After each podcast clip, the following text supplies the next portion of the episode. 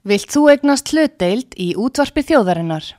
Sendu tölvupóst á hlutabref at útvarpsaga.is eða ringdu í síma 533 3943. Útvarpsaga stendur vörð um tjáningafrelsið.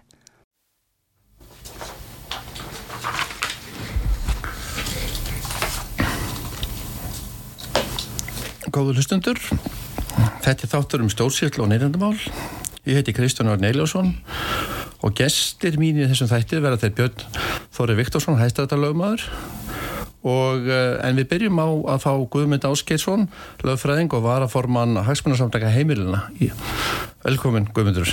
Sæl og takk fyrir. Herðu þið hjá hagsmunarsamtökunum, þið gáðuð út, já þið fordæmduð nöðungarsöluna sem var í Reykjanesbæ. Já það er rétt. Í hverju, hvernig hljóðar það plagg? Hvað eru það að fordæma og hvað eru það að segja? Sko, það er nú rétt að taka það fram til að byrja með að við settum í þessari yfirlýsingu þann fyrirvara að, að við að sjálfsögðu höfum ekki upplýsingar um öll smáatriði málsins og, og í rauninni vitum lítið um hvað býra baki annað en það sem kom fram í fjölmiðlafum fjöldurunni en að því sögðu þá þykir okkur blasa þarna við að, að, það er eins og á öllum stegum hafið ofinbæra kerfið einhvern veginn sko brúðvist, það hefur hverki á neinu stígi og, og það er alveg ljóst að þetta máli hefur átt mjög langan aðdraganda. Og það veriðist vera sem á, á, á engu þeirra stiga hafi e,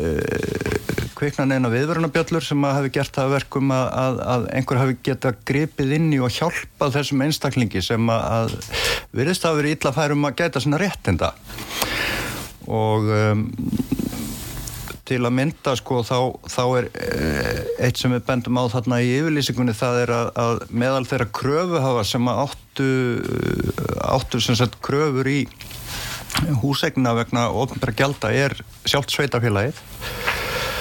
eh, og Uh, á sveitafélagum kvílaríka skildur þegar kemur að til dæmis félagsþjónustunum við einstaklinga sem að standa höllum fæti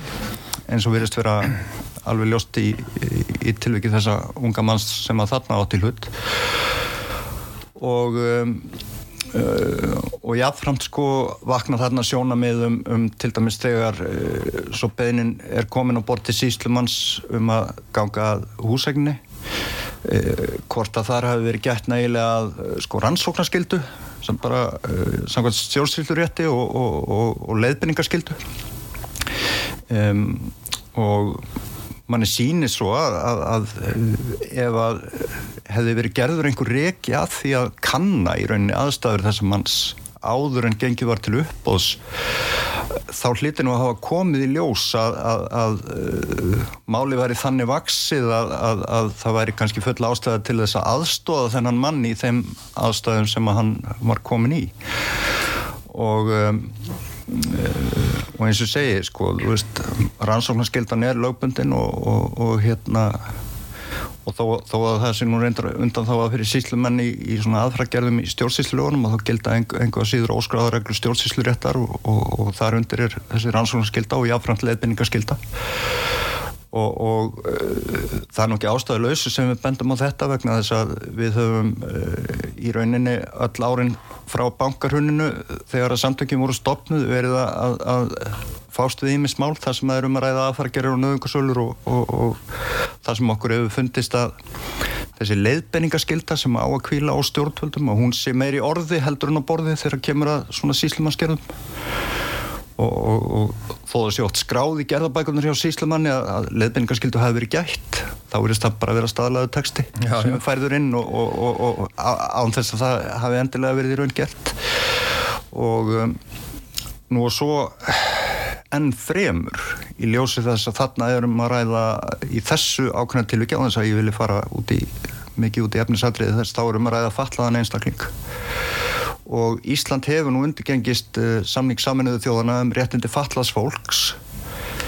sem að, að hérna hefur nú lengi verið barist því að, fyrir því að verði eh, sko lögfestur og, og almenlega innleitur hér á Íslandi. Það hefur eh, hingað tilvand að talsast upp á það. Og, og það er ekki fyrir en bara núna bara síðkasti sem hafa komið svona einhverjar yfirlýsingar og fyrirætlanir frá stjórnvöldum um, um að gera betur í þeim efnum um, og um, það er rétt að bara benda á því sambandi að ekki bara í sko, það er meðal annars í þessum samningi um réttindi fallasfólk sem sérstaklega kveðið áum að uh, fallaðir einstaklingar eigi, eigi rétt á því að hafa aðganga viðunandi húsnæði. Og hvað er viðunandi húsnæði? Og það getur auðvitað verið matskent og misjamt eftir löndum hvernig menn líti á það en við hljóttum að telja sem svo hér á Íslandi þar sem alla, allra veðrað er vonið á öllum ástífum að þá hljóttum við að vera að tala um að, að það hljóta að vera þá hérna fólk verið að vera undir traustu þakki að minnst að kosti annars er annars er því ekki borgið. Og þessi réttur um, svo ég setja nú aðeins í víðara samhengi eins og það snýrað viðfangsefnum hagsmunarsamtakana svona almennt uh, er að sko eitt, eitt af því sem að, að, að samtökinn hafa verið uh, svona hef, hefur verið rauði þráðurinn í, í allri baróttu samtakana fyrir réttindum fólks á húsnæðismarkaði er þessi hú, húsnæðisréttur. Hann er nefnilega ekki eingöngu bundin í þennan samningum réttindi fallasfólks heldur er hann líka bundin í ímsa aðvera uh, mannreitindarsáttmála mm -hmm. sem Ísland hefur undirgengist og hefur verið átt aðeldað mjög lengi áratugum saman. Og þar má nefna til dæmis félagsmála sáttmála Evrópu. Og þar er ákvæðið þar sem er eiginlega nánast sko, eins orðað og, og er eiginlega tekið orðrétt upp í samninginu réttindi fallara nema sásamningur er ekki einskóraðið ákveðna hópa heldur félagsmála sáttmála Európa, hann, hann gildir fyrir alla og þar að þau ekki er til uh, eldri samningur sem var gerður á ettvangi saminuðu þjóðana sem heitir alþjóðasamningur um uh, efnaðarsleg, félagsleg og menningarleg réttindi. Og uh, í honum er líka samljóða ákvæði eða, eða nánast orðrétt eins ákvæði sem hveður á um það að, að, að á um þennan rétt til viðunandi húsnæðis. Af því að það gefur auga leið að sá sem býr við húsnæðis óöryggi uh, það er svo opaslega hætt við að, að, að ef hann hefur ekki örugt húsnæði eða húsaskjóla í að venda þá er svo hætt við að hann fari á mis við margvísleg önnur réttindi þar að segja var, varðandi bara uh, varðandi bara sína afkomu uh, og, og hérna og það getur stæða okn á helsufari þegar fólk býr ekki viðinandi húsnæð og, og talningum þegar um er að barnafjölskyldur þá spila þarna inn í réttindi barnana og, og Og, þá náttúrulega hérna fellur það líka undir þau réttindi sem að eiga að vera tryggð samkvæmt uh, barnasáttmála saminuðu þjóðana og svona mætti lengi telja um ímis réttindi sem að, að, að verður alltaf að hafa í huga. En, uh, en virðist oft á tíðum eins og þetta ákveðna mál er kannski ákveðið dæmi um en þau eru fjölmörgleiri að það verður mjög oft, oft misbrestur á því í stjórnsýslinu hérna á Íslandi að það sé passað upp á þessi réttindi þegar verið þeirra að framfylgja eða framkvæma ákveðin lög sem að leggja skildur og herður, herðar stjórnvalda í sérstækum efnum eins og í þessi til ekki nöðungarsölu lögjöfuna og ég geti nú hérna tala kannski meira um nöðungarsölu lögjöfuna eh, hérna hér á eftir. Félagsmálaráðara hann er núna búin að hann er búin að vera með að opna fundi sem hann kalla landsáallin í málöfnum fatlans fólks. Þá kemur inn á það sem hún sagði ráðan að samningurinn sem var sko, samnið þjóna sem var undir þetta 2006 og 2007 á Íslandingum og tók sko gildistekkan 2016 þá laði svona að spurja það kannski út í það með gildistekkan 2016 svo áftir að innlega og lögfestan svo segir mm. að uh, það er stemplað því skist mér 2025 en uh, er þetta ekki svona þjóðrættur því að eins og lögum félagstónustu sveitafélaga þá kemur hann í fyrstu grein í þriðu málskriðan þá er sagt við framkvæmlega þess að skall framfylg þeim alþjóðlegu skuldbundingu sem Íslands stjórnvald hafa gengist undir engum samvikið samleið þjóðan og réttin til fallast fólks. Hvernig hvernig myndur þú tólka svona uh, texta sem er uh, búið undir þetta? Það er búið, búið eitthvað gildi sko, hvað, þá að þjóðarétti eða hvað? Já, og í rauninni þar með bindur hann Íslenska ríkið þó hann hafi ekki ennaðurlega slaga gildi að innlendunlögum og, og og, og það þýðir að þrátt fyrir að hann hafi ekki verið innleitur í íslensku lög og gildi þess vegna ekki samkvæmt innleitur rétti þá einhvað síður leggur hann þessar skildur á hendur ríkisvaldinu. Að því ber að fara eftir þessum sáttmálum og, og, við, og eins og ég sagði, við framkvæmt sérstakra laga eins og þessi lög sem þú nefndir um félagsstjónus sveitafélag eru mjög gott dæmi um vegna þess að ekki bara kemur í, fram í þeim uh, er hvað, hvað í þeim um skildu sveitafélaga til þess að, að uh, veita fölluðum einstaklingum aðstóð heldur eru líka er þar uh, ákveðin kapli sem að er almennseðlis sem að fjallar um skildur sveitarfélaga til þess að tryggja fólki húsnaði sem að, að til dæmis uh, fólk sem vegna félagsleira erfiðleika eða, eða, eða hérna lára tekna, fátaktar og, og svoleiðis aðstæðina á undir högg að sækja þegar það kemur á húsnaði og, og, og eins og bara þekkt er hérna á Íslandi þá er það bara víða og sérstaklega í stærstu sveitafélagum landsins þá, eru, e, þá er skortur á félagslegu húsnaði sem það er mikill og bygglistar eru bara óheirilega langir og við hefum hört dæmum það að fólk hafi jafnvel árum saman verið á bygglista eftir félagslegu húsnaði sem fólk sem sannanlega þarf á því að halda hvort sem er vegna föllunar, örorku e, eða, eða hérna lára framfæslu, þungrar framfæslubyrði, það getur verið til dæmis vegna bara fjölskyldi sem það sem eru mörg börn og er, og er dýrt uppið allt vegna þess og, og, og er kannski fólk í, í láleina störfum og, og þarf þessna á þessari félagslegu aðstofa að halda en, en, en skorturinn á frambóðun á henni hefur verið mikill. Með þetta mál sem kom upp í Reykjanesbænuna með, með þennan unga mann mm. uh, ætla hagsmennar sam, samtökjana að gera eitthvað í þessu að beita sér eitthvað neginn, hafa þau komið saman hafið þau rætt þessi mál uh, að því núna náttúrulega þess að segja það er við þeir sem eru eldri, muna eftir rauninu og, og hérna, það er svona aukkur í fólki. Já, já, sko það er nú er að mann reypa draga því að hérna eins og ég segi lögin eru eins og þau eru og þau, þó að þau kannski séu ekki algjörlega í samhljómi við alla þessa mannestindarsáttmála sem við vorum að tala um að þá að, þá hérna Uh, að þá er eftir að segja sem svo og, og, og allt bendir til þess að í þessu máli eins og, eins og mjög mörgum nauðungarsölum málum sem við þekkjum til sem er ekki endilega eins vaksin heldur kannski komin til eins og eftir hrunið vegna húsnæðiskulda og annars og liðs að lögjefin þar er, er ansi fer, ferkanduð og mörguleiti fornfáleg og uh, það er voðalega erfitt að stíga inn í sérstaklega svona eftir að allt er um garð gengið eins og í, eins og í þessu máli að, að hérna að reyna að nekja einhvern veginn því sem búið er að gera á grundvelli laga vegna þess að í formlegum og teknilegum skilningi þá dreg ég ekkert í efa að til dæmis síslumöður hafi uh, staðið að framkvæmdini fyllilegi samræmi við lagabókstafin þannig að það er eh, kannski ekki endilega hægt að finna sko beina sög þar um, heldur það sem ég meira vísa til er svona þetta víðara samhengi að, að, að hérna að það vantar upp á sko ekki bara að í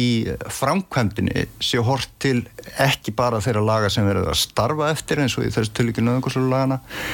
heldur viðra samengist þessara mannetta sem að, að umræðir heldur vantar líka mjög víða upp á það að ákvæðum slíkt séu færið inn í viðkomandi sérlögjöf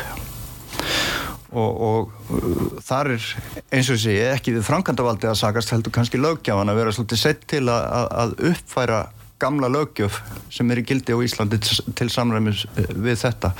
Og til að svara því hvort að að hvaða leiti hagsmunarsamtök heimilana muni beita sér að þá sko við, við erum almannasamtök og uh, byggjumst að mestuleiti á sjálfbóðastarfi og og starf samtakana eh, er fjár, fjárhæslega sagt, eh, eh, stendur að mestuleiti á grundvelli félagsgelda sem er bara frjálskort að fólk greiðir eða ekki og, og það er nú ekki allir í landinu í samtökunum þó að það mættu vera fleiri en við erum þó með rúmlega 8.000 félagsmenn og stól, stólhildi þeirra greiðir félagsgjöld sem að gera okkur kleift að halda út í starfsemi. En uh, vegna þess hvað okkur er þröngur stakkur búinn að þýlutinu til að þá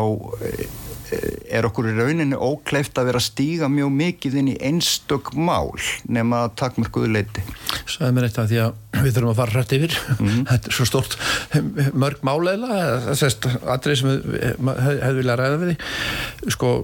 tilganguð samtakana markmið samtakana og þeir eru komin, þeir eru komin með eitthvað starfsmann núna mm -hmm. getur fólk leita til ykkar á svona, eh, bara á fyrstu stegum og fengir ráðgjöf eða eitthvað svona að, aðstótt þess að leiðbennaði minna á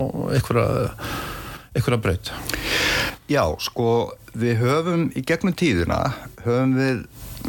oft og ítrakað leita til eins og ofinberáð og fyrst á hlust ríkisins eftir að fá einhverja styrki ofinbera styrki inn í þessa starfsemi til að ebla starfið. Þannig að við séum ekki engungu háð framlegum frá félagsmönnum og höfum svona í gegnum tíðina fengið kannski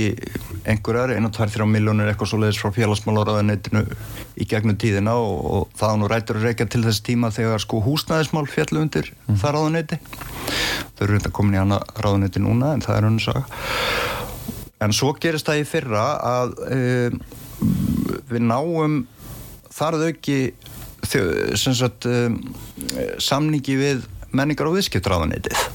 og það er á þeim grundvelli að, að um, undir það ráðneiti falla meðalans neytendamál. Og um, megin áherslur uh, samtakana í gegnum tíðina þegar að kemur að, að uh, fjárherslegum hagsmunum heimilana sko snýr auðvitað af neytendavend á fjármálumarkaði þegar að kemur að, að hlutum eins og húsnæðislánum og, og, og, og öðrum neytendalánum til dæmis. Við þekkjum nú söguna hérna eftir hrunni þegar margir voru að lendi í vandraðum ekki bara með húsnæðislánin, þetta líka með til dæmis hluti eins og bílalán og annað og hérna Um, já, þannig að, að semst í fyrra þá um, nást samningar við, við menningar og viðskiptráðunetið um, um uh, ákveðin fjárframlegu ríkisjóði til þess að standa undir uh, fræðslu og ráðgjáða þjónustu á þessu sviði og um,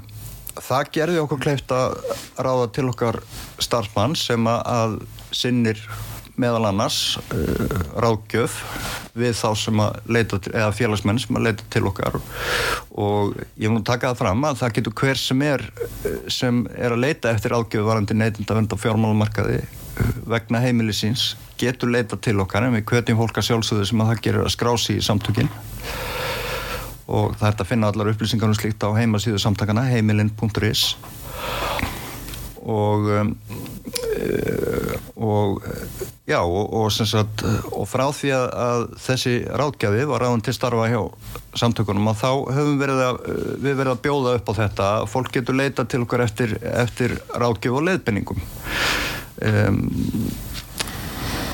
en vissulega sko það eru auðvitað takmörk fyrir því hversu mikla þjónustu við getum veitt hverjum og einum. Þannig að, þannig að fólk getur leita til ykkar. Fólk getur leita til okkar en það verður að hafa það í huga líka að við erum, við erum ekki ókeppis lögfræðistofa. Þannig að við getum ekki sko, við getum ekki farið alla leið í réttindagæslu í einstökum málum. Þannig að uh, aðstóðin og þjónustan sem við veitum fólki byggist fyrst og fremst á því að hjálpa fólki að skilja hlutina ef það er í óvissu og, og hjálpaði við að, til dæmis bara eh, að afla upplýsinga við getum til dæmis ef fólk veitur okkur umbóð til þess þá getum við komið fram fyrir þeirra hönd og mm -hmm. kallaði eftir öllum upplýsingum sem þar úr, úr hérna úr kerfunum, hvort sem það er ofinbyrjukerfin eða bankakerfið og, og, og til þess að hjálpa því að leggja mat á þeirra stöð og getum svo leiðbendum um hvað það getur gert til að reyna leysumálum Ég sé hérna í uh, þegar hérna Harsmannsandök heimiluna sko, þegar hafi lengi ítrekkað skor á stjórnvöld og að endur sko að lögum nöðungarsfjölu frá árinu 1991 Já. sem eru löngorðið bassins tíma Já. en með sko, hlýðsuna þeirri þróu sem eru orðið á löki á sviði mannirtinda og neytindavendar eh, hefur ekkert verið hefur bara verið sambandsleysi þarna. Nú er Ástildur Lóa, hún er formaður samtakana, hún er alþingismadur nær, nær hún einhver gegn það á alþingi í þessum málum? Nei, því miður, því miður þá er það náttúrulega þannig inn í þinginu að, að, að uh, hún hún sem stjórnarnarstöðu þingmaður á, á uh, hefur átt erfitt bara eins og gengur og gerist með að ná málum í gegn og, og, og hérna og, og uh, yfirleitt er það nú bara stjórna meiri hlutin sem að ræður, ræður því hvaða mál fari gegn, það eru þetta meiri hlutin sem fer, fer með dasgráfaldið og, og, og hérna, það er því miður sjálfgeft að þingmannamál, sérstaklega frá stjórnarnaðstöðu fái einhverja endanlega afgreðslu þar inni en uh, hún hefur á sjálfsögðu hins vegar barist af, af miklum dugnaði og, og hörku fyrir því að reyna mm -hmm. að koma þessum málum á dagskrá. Uh, en varandi nöðungarsölu löggefuna þá er það þannig sko hún er frá 1991 og það hefur bara svo margt gerst í íslensku réttarumhverju síðan þá. Uh, 1994 hérna undirgöngst við ES-samningin og á grundu til hans eru innleitar eh, alls konar reglur og sviðir neytendavendar sem að meðalans varða fjármálumarkaðin og, og, og við höfum mikið verið að byggja á þeim reglum í okkar starfi. Uh, sama ár er, er mannreitnda sáttmála Európa-lögfæstur á Íslandi og, og árið setna 1995 er mannreitnda kapli stjórnarskrárunar uppfæriður meðalans með tilliti til þess sáttmála og annara mannreitnda sáttmála um, og síðan þá hafa margir aðrir mannreitnda sáttmálar verið verið staðfestir á hólfu Íslands eins og samningunum réttindi fallar að batna sáttmáli samanlega þjóðan og fleira. En aldrei á neinu stíi hefur nöðungarsölu löggefinu verið uppfærið með tilliti til þessara réttarþróunar. Þannig að hún, hún byggist svolítið, hún er það máilega segja að þetta sé ansi ferkönduð löggef sem að, að byggir á svona daldi gamalli tíð þar sem, þar sem að fyrst og fremst verið að horfa til hagsmuna þar að segja kröfu hafa, hvernig uh, að gera þeim kleift að ganga þegnum fólks upp í, í vanskilaskuldi til þess að fá í rauninni kröfun sínum fullnægt. En minna hort til þess að reyna að vernda uh, þá sem að lenda í slíkum málum vegna þess að þeir séu í viðkvæmri stöðu sem að þeir ekki ráða sjálfu við maður er með síðan það að maður lesa að, að svona, þetta eru stutt í frestir og, og hérna, maður verður að passa þess að gerða þóli og þeir sem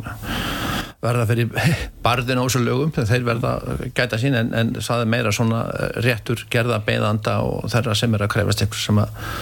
er í gildi. En svo er síslum að sko, svo má hann gera hitt og þetta en það er sjaldan hann skuli gera það þannig að, að svona, þetta val mitt eftir í hug eftir hrun sko,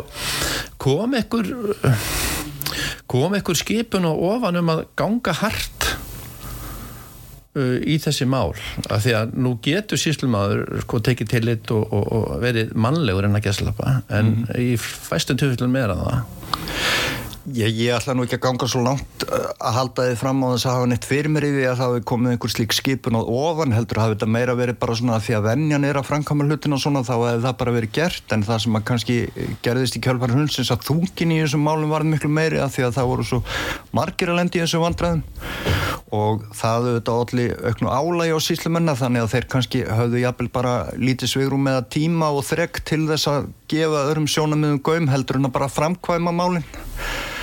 og þess vegna hafið þau mörg bara gengið svolítið í gegnum þetta formlega ferli án, án, án tillits til aðstæðina sko. Eh, þannig að ég ætla ekki að eh, eins og segi, ég ætla ekki að treysta mér út í það fullering, eh, fulleringar um eitthvað sem ég hef ekki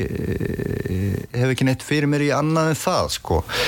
En, en, en útkoman er vissulega og var þá sérstaklega í kjálfarhjónsins og getur orðið í sumu tilfellum ansi ómannulega eins og hún byrtist fólki mm -hmm. og en kannski að því að svo ég skjótið inn í að því að við erum að tala um nöðungarsölu lögjana og líka þegar kemur að bara aðfara gerðum og, og, og, og svona innheimtum álum almennt hjá fólki Að, og að því að það kom fram hérna áðan að, að við bjóðum upp á þá þjónustu að fólk geti leita til okkar eftir leiðbenningum og, og einhvers konar aðstóð svona að því margir sem við getum veitt þá vil ég brína fyrir þeim sem að þetta heyra að, að hérna að það er gríðarlega mikilvægt í slíkum tilveikum að þegar í óöfnistefnir að fólk leiti sér ef það er ekki fært um það sjálft að, að, að grípa til aðgerða til að reyna lagastöðuna að það leiti sér þá viðegandi aðstóðar sem fyrst þar að segja á fyrstu stegum það er því miður hefur í gegnum árin borið talsvert á því og, og verður alltaf algengt að fólk er kannski að koma og leita sér eftir aðstóðinni allt og seint. Þar að segja eftir að búið er að framkama hlutina um, kannski vegna nöðungarsölu sem er löngu búin að eiga sér stað. Og vegna þess eins og þú saði réttilega hérna áðan að þá eru allir frestir frekar knappir í þeirri lögjöf til þess að gera eitthvað í málunum. Að þá er því miður þegar allt er um garð gengið þá er eiginlega langottast allt, orðið allt og sent að, að, að gera eitthvað í því sko. þannig að þessna brýn ég fyrir fólki sem að áþara að halda að leita e, leita sér aðstóðar eða þarf á að halda e, sem allra fyrst þegar í óöfnistefnis Þetta er svona samvinna á fyrstu stuðum leiður þetta komið fram að söp og þá er ekkert að gera nema bara að gera það beðandi afturkalli. Það er ekki frestir og ekkert að gera. Já En það eru, það eru ímis úræði sem fólk getur gripið til og, og, en það byggir svo rosalega mikið á því að það óski eftir því sjálft vegna þess að síslumadurinn hefur sjálf, eh, honum ber engin skilda til þess að hafa frumkvæðið að því. Eitt sem til dæmis ég myndi vilja nefna, eh, svo við tökum nú aftur þetta dæmið þarna eh, frá Reykjanesbæ sem hefur verið í fjölmiðlunum að, að, þar til dæmis gerist það að eign er seld á alveg smánalega lágu verði með að vera önverulegt verðmætti hennar. Við höfum miklu verið dæmi um slíkt bráði í kjálfar hundsins að sambarilegi hlutir átti sér staði mann eftir eh, einbílishúsi sem var selgt á 2 miljónir en ef það hefði farið á fullu verði þá hefði duðað fyrir öllum ákveðlandi skuldum og, og í rauninni samkvæmt lögunum þá á að gera skuldirnar þannig upp bursið frá því hvað uppásverðið er. Þá á að gera uh, skuldirnar upp með raunverði húsnæðisins. Og, og hérna en það hefur ekki verið alltaf gert og það hefur verið misbrestur og því og engin eftirfyrkli með því. En, en hérna en í svona tilvíkum eins og þessu bara svo ég noti þessi dæmi þá hefði verið borðlegjandi fyrir viðkomandi ef hann hefði e, verið í stöðu til þess að gæta réttar síns að óskeftrið eigninir er selda á almennum markaði en ekki á uppbóði og það er réttur gerðaþóla í nöðunguslum málum að fara fram á sölu og almennum markaði. Hann þarf bara að standa rétt að því að gera það samkvæmt ákveðnum formreglum sem að koma fram í lögunum. Og þetta er aftur eitthvað sem við hjá Hagsmunarsamtökum heimilina getum aðstofa fólk við með því að leitbenna og, um, og þegar eignir selda á almennum markaði þá eru allar líkur á því að það fáist uh, rétt verð fyrir hann þannig að það kom ekki upp svona staða að, að fólk tapi öllu sem það á í egninni eftir að búið að gera upp skuldirnar. Já, ég mæli endrið með því að fólk leita sér aðstofar strax að leiða þetta komið inn í máli þetta verið erfiðar eftir sem líður, líður á þetta. En uh, Guðmundur Ásker, lögfræðingur og varaformaðar hægspunna samtaka heimilina ég hérna við erum að fara í auðlýsingar og eftir auðlýsingar kem, kemur hérna inn Björn Þóri Viktorsson hægstæðarlögmaður, hann að ég fyrir þetta góða spell Já, takk fyrir, fyrir mjölusingar. Takk fyrir. Takk. Jæja, ég heiti Kristján Örn og við erum hérna í þætti um stjórnsýslu og neytendamál og í ferrirhutunum var Guðmundur Áskilsson hjá mér, lögfræðingur og varaformaður hægsmannusamdaka heimilina og nú er mættu til minn Björn Þóri Viktorsson, hægstatalögmaður og fasteinarsali líka. Já, kontur sæl. Já, blessaður. Velkomin í þáttinn. Takk fyrir. Takk fyrir að bjóða mér. Já, það er bara gaman að fá þig. Ég hérna, við höfum verið að ræða þetta mál í Reykjanesbæ. Þetta er bara, hvað á maður að segja, hörmulega mál.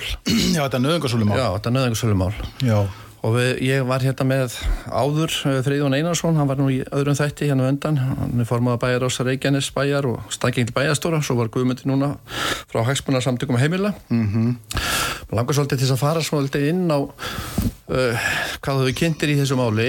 og kannski svona almennt við kannski notum þetta sem viðmið Já. og, og hrunið uh, og, og nöðungarsölugin mm -hmm. kannski úreld, mm -hmm. gömul mm -hmm. síslumannin, hver mhm. sko, þeir benda sko hvora annan sko, eða er enda þetta síslumann kannski ekki á félagi en það mhm. kannast ekki við ábyrð mhm. og þannig að þetta er svona um, Íslandsbank eru með nægst ábyrð hafið þið prófað að tala við þá? Ég veit ekki. En sko, öllu gamni sleftu þó að sé nú gott að hafa smá hérna, húmor með í hlutunum. Uh, sko, ég, ég ætla að byrja á því að segja það Kristján að ég, ég, ég þekki þetta tiltekna mál sem að þú vísar til þarna úr, úr Reykjanesbæ ekki neitt að öðru leiti en því sem ég hef séð bara einhverjar umfjallanir í fjölmiðlum. Ég hef ekkert verið að leita að einhverjum umfjallum eða, eða neinu slíku þannig að ég þekki það mál ekkert að öðru leiti en því sem þar hefur komið fram. Uh, ég heyrði reyndar í, í, í sjónvarsfréttonum í, í gerðkvöldi minni mig að það við verið að, að, að því það var eitt sem að mér fannst kannski vantadálitið inn í myndina Uh, og nú eru þú að stoppa mig að því að ég heyrði ekki samtali ykkar guðmundar hérna, lögfræðings uh, varaformans hagsmunarsamtakana hérna áðan. Kannski er hann búin að útskýra fyrir þér sko hvernig nöðungarsölu ferli fer fram frá upphafi. Uh, það, það er mikilvægt að hafa það bak við, bak við eira sko. En í stuttumáli er þetta þannig að, að það er rétt að laugin eru þetta ekki, ekki ný, þau eru síðan hérna, hérna réttafarsbreytingin var gerð hér um 1990 að meginstofni til eru laugin síðan þá einhverja smá breytingar. Um, og þetta er þannig að, að nauðungarsölu ferlið uh, eins og það hefur verið gert á Íslandi í gegnum áratugina uh, er þannig að, að, að það, þetta er auðvitað ákveðin þjónusta við kröfuhafa við þá fjármakseigundur og kröfuhafa sem ríkið veitir sem framkvæmda allt og, og það, það eru bæði hérna, auðvitað er það gert til þess að gæta þess að, að þegar að, þegar að hérna kröfuhafi sem að hefur fengið lofórð fyrir endugreðslu láns eða veð í, í, í einhverju eign eða fastegn eða hvað, hvað annars en það er það er til þess að tryggja það að ef að uh, hérna kröfuhafinn þarf að grýpa til vannemda úrraða að þá séu þetta farið að ákveðnum lögum og leikreglum. Það sé ekki verið að ganga lengra heldur en lög heimila. Þetta semst, ferlið í stuttumáli er þannig að, að þegar að kröfuhafa er farið að lengja eftir emdum hvort sem það er vegna greiðsluna af lánum eða, eða vegna lögbúðina gjalda eins og mér skilst að sé þarna um að ræða fastegna gjöld og tryggingar og eitthvað slíkt að þá getur hann ef að, ef að hann, auðvitað megin reglan svo að, að menn beina fyrst auðvitað ítrekkuðum greiðslu áskorunum til uh, fastegna reyndans eins og þess til að geða skuldar almennt. Uh, ef að það gengur ekki og, og það er liðin ákveðin langur tími. Hjá böngunum er þetta nú mjög algengt að til dæmis uh, vanskil þurfa að hafa varað í já, hið minsta þrjá mánuði þrjá, svona 34 mánuði. Fólk getur verið nokkuð rólegt svona almennt séð að ef að vanskil er ekki komin í þann tíma þá eru málun ekki, ekki komin í þennan farveg. En, en uh, þá getur kröfuhafinn uh, sendt síslumanni uh, hérna bref og kröfu um nöðungarsölu til að fullnusta þessa kröfu sem er búin að vera í vanskilum í þetta og þetta langan tíma og hann þarf auðvitað að senda gögn til að staðfesta hérna sína raunverulegu kröfu. Og þegar að þetta er komið og síslumadur telur að, að hérna að krafan sér til og hún uppfylli skilir þessa það með í færi nöðungarsölu og svo framvegis þá sendir hann uh, hérna uh, gerðarþólanum uh, tilkynningu um fyrirtöku nöðungarsölu beinar og uh, þetta hétt nú fyrsta, annað og þriðja uppbóð í gamla daga en í dag heitir þetta semst fyrirtaka nöðungarsölu beinar og uh, þetta er sendt með ábyrðabrifi og það er alveg, alveg semst gengið mjög eftir því eða stefnuvotti eftir aðdökum þannig að það er gengið eftir því að þessi tilkynning berist raunverulega. Og þessi fyrirtaka nöðungarsölu beini, hún fer fram á, á skrifstofu síslumanns að, megin stefnu til. og uh, þar auðvitað getur uh, gerðar þólinn mætt hann getur þess, við, á, við þessu, á þessu tímamarki getur gerðarþólinn til að mynda mætt og krafist þess að eignin verði selda á almennri sölu, það verði horfið frá sagt, nöðungarsölu ferlinu heldur verðinni rástafað með samþykki síslumanns til sölu meðferðar á fastegnasölu það er mjög lítið þetta úrræð er mjög lítið praktiserað því miður vegna þess að ef að staðan er raunverulega svo að fólk næri ekki að halda eignum sínum og koma, hérna, koma skikki á skuldamálinn þá er almennt séð miklu betra að eigninni sé ráðstafaði gegnum fastegnasölu, bara í hefbundinu söluferli, heldur en þessu niðurlægandi ferli sem að uh, loka sala er uh, eða, eða sagt, framhaldssala, öllu heldur eins og það heitir í dag. Þar sem að fólki er bara bóðið að koma inn á heimiliðitt og, og gangum og kynna sér eignin og skoðana og bjóða síðan í hana, það sem það vil kaupa fyrir hana. Auk þess færður náttúrulega harfa verð fyrir hana í, í á, á marka. Ég er að segja það, það er svona meginreglan, þetta þetta er miklu betri kostur þess vegna vil ég nefna það hér að því að ég heyrði núna í blá restina að Guðmundur var að, svona reyna að benda fólki á uh, svona, úr, úr, einhver úræði og reyna, reyna að leita sér aðstofar og svo framvegis. Að þetta er til að mynda úræði sem að, sem að er mjög lítið notað en er mjög að finna góða. Menn eru bara ekki að nota sér þetta. En þetta þurfa menn að gera við fyrirtöku nöðungarsölu beinar þar að segja í fyrsta skrefinu af þessum þremur. Ef þú gerir það ekki þá þá ertu búin að missa réttin til þess að, til þess að fara þá leið. Nú, venjulega fer salan fram þarna við fyrirtöku nöðungarsölubina, það kemur eitthvað bóð, eitthvað lámasbóð og það er ákveð að fresta gerðinni.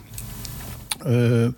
og, uh, og þá er næsta skref byrjun uh, uppbós og uh, það er aftur sendt uh, hérna erindi og, og, og þessu skrefi, það þarf að segja frá fyrirtöku nöðungarsölubeinar og fram að byrjun uppbós er hægt að fresta uh, uh, nokkrum sinnum í allt að tól mánuði ef ég mann rétt ef að kröfuhafinn samþykir og þetta gerist oft vegna þess að fólk eh, reynir sitt besta, reynir að gera einhverja samninga, reynir að borgin á kröfuna, reynir að halda kröfuhafanum góðum og fresta þessu ferli með því að greiða eitthvað inn á þetta. Og þá er það nú gætnan þannig að kröfuhafinn frestar frekar uh, uh, hérna uh, byrjun upp á þess með, með beinum það til síslumanns heldur hann að byrja allt ferlið upp á nýtt og uh, en, en, en við ytri mörg þessa hérna uh, þessa skrefs þarf uh, byrjunin að fara fram. Og þegar hún fer fram og er, það, er, það er þá önnur fyrirtaka hjá, hjá áskrifstofu síslumanns að þá er það þannig að þar kemur yfirleitt annað bóð og síslumar frestar aftur. Og þá þarf framhaldssalan sem er þriðja og síðasta skrefið að fara fram innan fjögur að vikna. Fari, farið ekki fram innan þess tím og þetta er allt lögbúið takt eftir. Sko, því, og síslumenn eru þetta bara að reyna að vinna eftir lögunum. Það, það er held ég alveg klárt sko, heilt yfir. Það er, það er lögjafinn, það er alþingi það er pólitíkustin sem ráða þessu. Þetta skal vera svona. Þetta skal svona. Mm. og þetta ber síslumönnum að fara lögum. Það er mikilvægt að hafa það í huga. Um, og það er þannig að, að, að þegar að þegar að hérna fyrirgeðu þetta, nú ringir einhver hérna sennilega til að skamma mig en, en það verður bara að eiga við það. En þegar að, þegar að hérna þegar að hérna uh, framhaldssalan fer fram og þá er, þá er fólkið komið inn á heimilið og allt þetta og þeir sem að vilja hugsanlega bjóða í egnina og það allt saman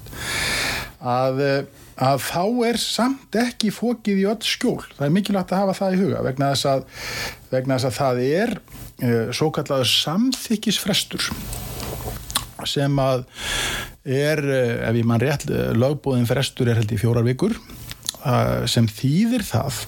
að eftir að hamarinn er fallin og það er búið að taka einhverju tilbúð í eignina að þá kynir síslimaður uh, gerðar þóla það að það sé samþykisfrestur og hann hafi núna svo og svo margar vikur. Uh, ef ekkert eru mann að tala þá, þá er það þessar fjóru vikur ef ég, ef ég manda nú, ég, ég held ekki alveg fullir þetta er svona, það ekki, já, já, já. Það er sjöu fjórar, en það er með samþykki gerðar beðanda og þetta er úrræði sem að ég hef oft beitt uh, þegar ég hef verið að reyna aðstúða fólk við þessar ömurlegu aðstæður að þegar að verið er að leita eftir möguleikum á að verða við kröfum uh, hérna uh, lánadróttinsins eða, eða nöðagsólu uh, hérna krefjandan að það þarf kannski ákveðin tíma til þess að leysa úr þeim málum að þá er hægt að, að semja um aukin samþykisfrest ef að gerðar beigandi samþykir það. Og uh, það er mjög algengt að hann er lengtur í kannski 6, jafnvel 8 vikur og dæmi um er að segja lengri frest ef að, ef að, ef að kannski gerðar hérna, þólinn er búin að sína fram á það að það sé vona á peningum eftir 10 vikur eða eitthvað þá myndu held ég flestir gerðar uh, hérna, beigðendur semja um 10-11 vikna samþykisfrest ef að liggja gögn á borðinu um það að það sé vona á greiðstum Þannig að þetta er úrræði sem hægt er að beita. Og, og, og, og sagt, ef að þú getur sagt, greitt kröfuna áður en að samþykisfresturinn er úti þá falla öll réttar áhrif nöðungasöluna nýður þá er, þá er þau bara orðin, orðin núlített Uh, ég heyrði í fréttunum í gæra því þú talar um þetta mál þarna í Reykjanesbæ að það hafði verið greinilega veittur aukinn samþykisfrestur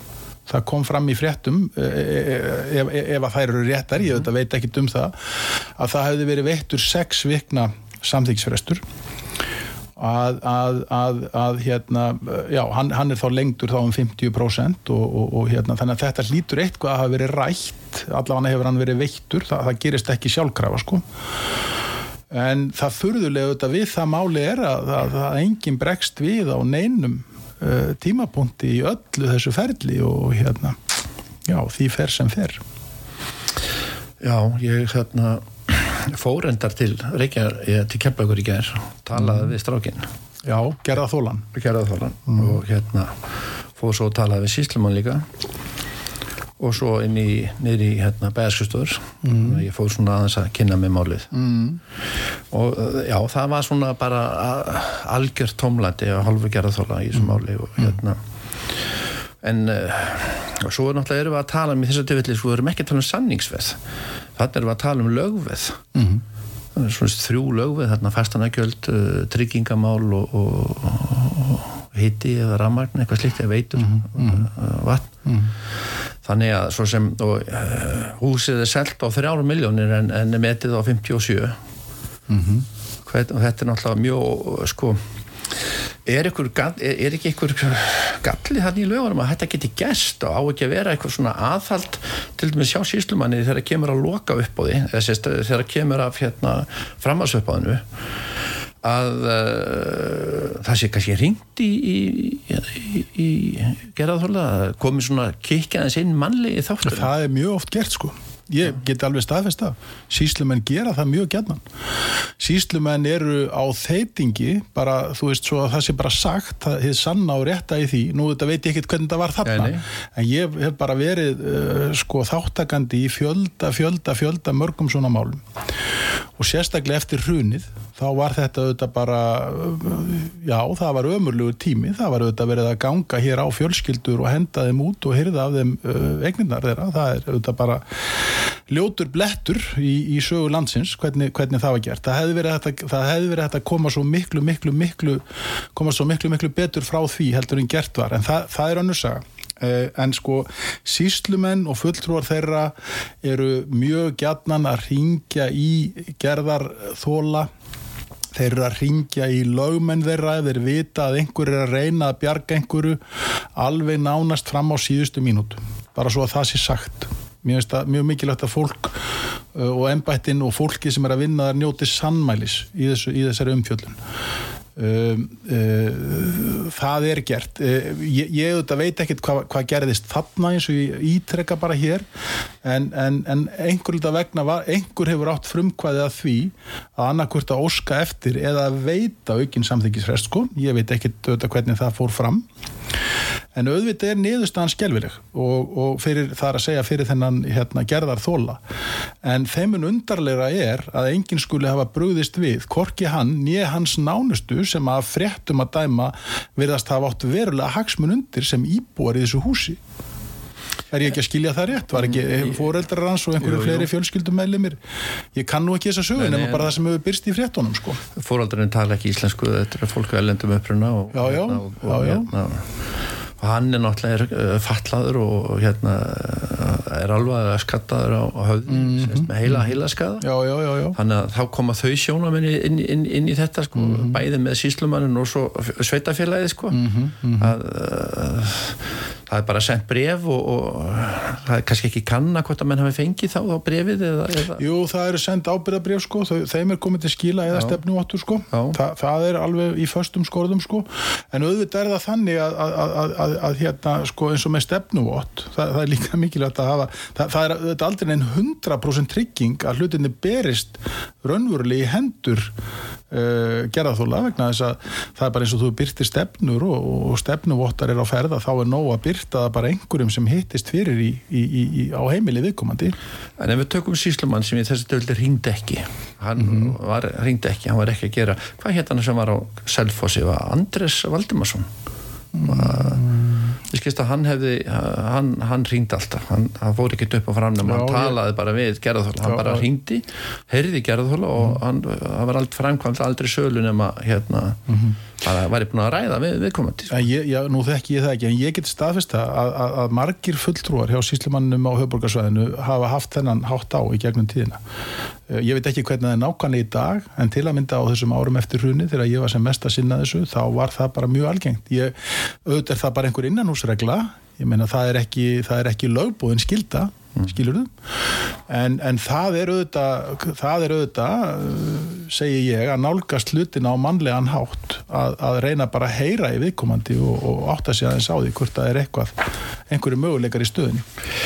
Hvernig í þessu máli til dæmis um, eða svona svipuðu málum um, já þessu máli þetta eru er annars vegar síslumadur sem að fyrir sér allir ábyrð finnst hann ekki að hafa gert neitt ránt og svo sveitafélagi sem að finnst það ekki að hafa gert neitt ránt en, en, en svona mér skilst á að, að báðir vilji alltaf vinka hver öðrum í framtíðinu með þetta og, og hérna taka upp annað uh, eitthvað fyrir krónunum hafa mm -hmm. ebla samskiptin þannig að milli sem er bara gott mál. En er þetta bara alfarið gerða þóla að kenna þetta tómlæti það sem hann er fatlaður og, og Ég ætla, Skeltur, ég, ætla svona- ég ætla ekki að dæma um það Kristján og ég, ætla, ég, ég er ekki komin hinga til þess að að segja sko, hver beri ábyrð á þessari ömulugu stöðu sko. uh, ég meina maðurinn er sjálfráða og fjárráða skilji ég þetta rétt. Uh, og, og hérna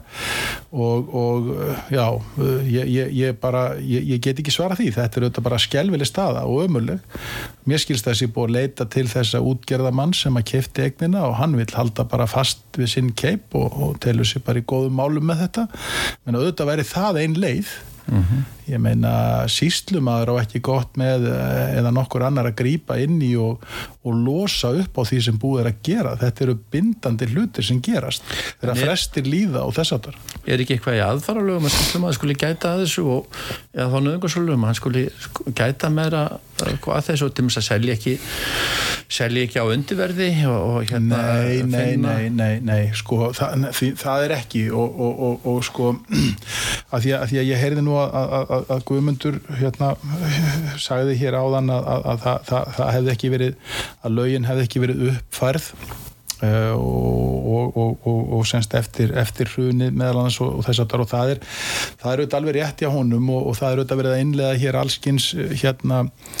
uh, réttar bætur í þáu neytenda í gegnum Evrópusamstarf okkar. Og það er auðvitað daburlegt að, að, að það skuli allt þurfa að koma í gegnum Evrópusamstarf, bara svo að það sé sagt af, hverju, af hverju eru íslenskir uh, ráðamenn, alþingismenn og embætsmenn ekki jafn uppteknir af því að,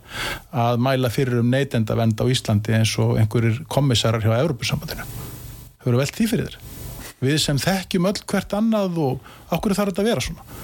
Út í heimi þar sem enginn þekkir neitt og það er mikil fjarlæð á milli aðila þaðan koma uh, allar réttarbætur í þá almennings og neytenda þetta er mjög furðulegt sko, satt að segja. En, en það er alveg rétt hjá Guðmundi að það, það, það, það, voru ekki gerða neitt miklar breytingar uh, á, á, á nöðungarsölulegunum eða, eða aðfarar uh, kerfinu, nöðungar og fullum, fullnustu, eða semst aðfarar og fullnustu kerfinu eftir hrunnið þó voru þar gerðar uh, nokkra breytingar sem skiptu máli og, og uh, kannski svo helsta sem var svona ákveðin plástur reyndar uh, var svo að, að, að fólk fekk heimil til þess að leia eignirna sínar í heilt ár eftir nöðungarsölu uh, gerðar b- hérna, beigðendur og, og, og þeir sem keiftu eignar á nöðungarsölu voru bundnir af því að, að þurfa að ráðstafa eignunum við fyrirfram ákveðnu verði sem að síslumadur ákvað uh, í, í alltaf, alltaf 12 mánuði og síðan var annað atriði sem að, sem að hérna, uh, nýtist því miður ekki þessum unga manni um, en, en það var það að það var þannig uh, áður að, að uh, í nöðungarsölu lögunum var ákvæði þess efni og þetta er, mjög, þetta er hundgamalt ákvæði þessi efnis, ef við tökum bara sem dæmi að það er það er, það, það, er, er bara verið að segja maður sem verið að selja 50 miljón krónar fastegn á nöðungarsölu, það er einhver kröfuhafi sem á veðinni fyrir 30 miljónir og hann kaupir hana á, á, á 25 miljónir á, á nöðungarsölu uh, þá var honum uh, sagt, uh, það var þannig áður og svo seldan hann á 50 skilurum, þannig að hann fekk 50 miljónir uh, og, og grætti þar á leðandi 20, ekki satt? Samkvæmt mínum útreikningi. Og, og en gatt síðan haldið áfram að rukka nöðungarsölu þólan um þessar 5 miljónir sem vantaði upp á samkvæmt nöðungarsölunni og til þess að verjast þessu þá þurfti uh, hérna þólinn nöðungar, sá sem varð fyrir nöðungarsólinni sem er auðvitað nýbúin að missa heimili sitt og er mjög viðkvæmri stöðu jafnvel með fjölskyldun á gödunni að hann þurfti að höfða mál til þess að fá felda niður skuldina skilur þau mm -hmm. þessu var breytt í tíð augmundar Jónassonar mm? Uh, með minnir í áslokk 2010 þegar hann var dómsmálaráður og, uh, og uh, þessu var breytt á þann veg að núna er það þannig að þegar þessi staða kemur upp þar að segja að kröfu hafi uh, hérna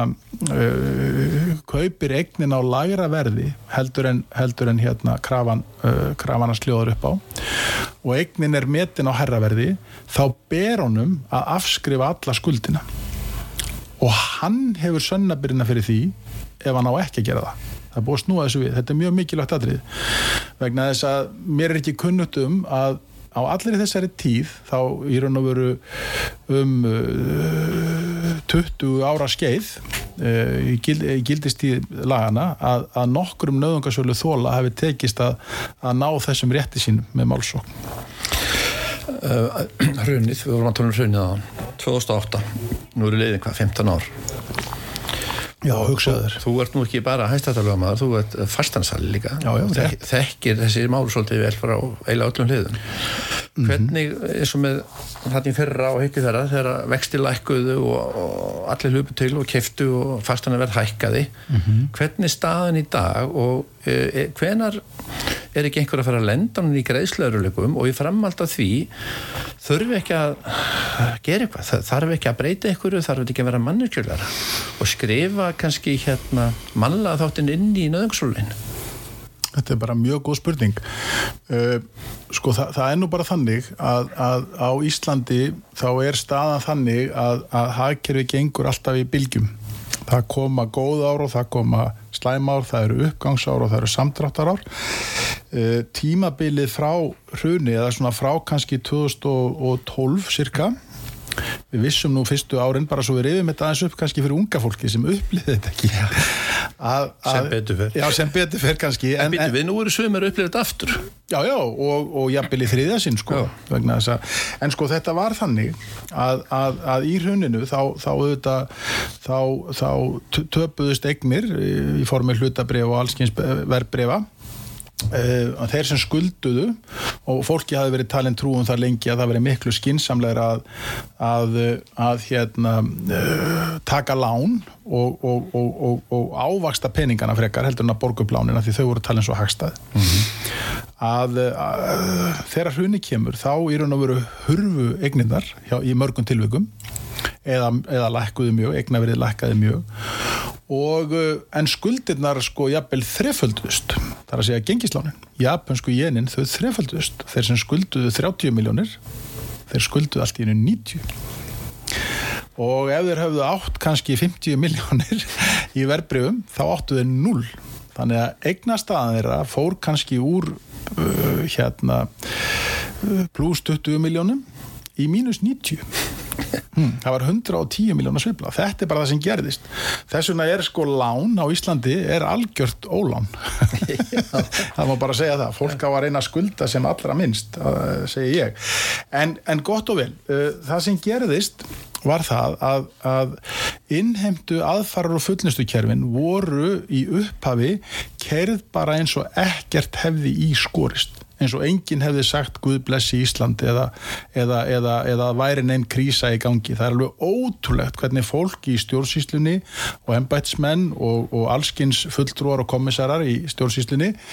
geta í raun og veru látið bara eins og ekkert hafi ískorist þrátt fyrir að öllum sé ljós neyðin. Þarna voru dráttavextir 25% sko. Þannig að you ain't seen nothing yet sko. Stýrivextir Sælabankans fór í 22% eða 21,5 mögulega ef ég mælda rétt þannig að við erum alls ekki komin á þennan stað sko. þannig að ef við förum á þennan stað aftur þá hefur við eftir að upplifa sko, heilmikið súrar ástand Þurfum við ekki að gera eitthvað rástafan þá strax, þurfum við ekki að undibúa uh, þennan, Já. hvað maður að segja? Já, fólk ætti að vera undirbúið sig, allir eiga að vera undirbúið sig, sko, fólk verður líka, Kristján, Mm. ef við ætlum að lifa í frjálsu landi, þá verður við líka að bera einhverja ábyrð á okkur sjálfum. Fólk ætti núna að vera að borga niður skuldir,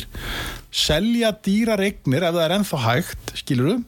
og, og reyna, reyna að hafa einhverja forsjálni sjálft. Við getum ekki endalist bent á stórabröður, ekki nema við viljum missa bara öll okkar völd og sjálfstæði í hendur stórabröður. Viljum við það? Nei, Nei. við þurfum að koma okkur í skjól Við verðum að koma okkur í skjól sjálf Við verðum að vera meðvituð um ástandið Ekki láta bara reka á reyðanum endalust Eitthvað að lókum, Björn Þóri Er þetta búið? Já, tími líður ég, ég, ég, ég get tala við endalust en ég bara þakka fyrir að fá að koma og, og hérna og ég, seg, sko, ég vil segja samt sko þú veist, þrátt fyrir að staðan sé um margt súr hún er sannarlega hefur hún súrnað þá er Ísland samt land tækifærana það er bara þannig. Og, og, og það er að koma hinga fólk af ellendu bergi sem er að grípa þessi tækifæri og, og, gera mjög góða hluti. Ég sé það sem fastegnasali fólk er að kaupa sér uh, fólk bara eftir þrjú, fjögur ár þá er það búið að búa sér til sko eigifjö í útborgun. Duglegt fólk sem að, er duglegt að vinna fer sparlega með er jafnvel á leigumarkaði En á meðan er kannski forréttinda hópar ákveðnir sem eru uppteknir að því hvað allt sé erfitt. Auðvitað er þetta vissulega erfiðara núna heldur en þegar vexti, stýrivextir og- eða almenni vextir í bankakernu voru 3,5%. Auðvitað. En við gátum aldrei rekna með þeir eru þannig endalust, Kristján. Þú ert vonandi sammála mér í því. Þú ert nú eldri en tvævetur sjálfur eins og hærum á sjá. Já, það Herðu, herðu fyrst þú komin í ykkur leiðindi þegar ekki bara segja, segja þættinu lokið í dag Heyrðu, takk fyrir mig, gaman að koma að hitta þig. Já, ég þakka Birnir Þorra Viktorssoni, hæstrættölumanni fyrir komin í þáttinn og ja, fyrir þættunum var hjá mér Guðmundur Áskilsson lögfræðingur og var að formaður hagsmunarsamtaka he, samtaka heimiluna bara að reynisinni þakka ég fyrir útsendingu og hlustundu fyrir hlustununa verið ég sæl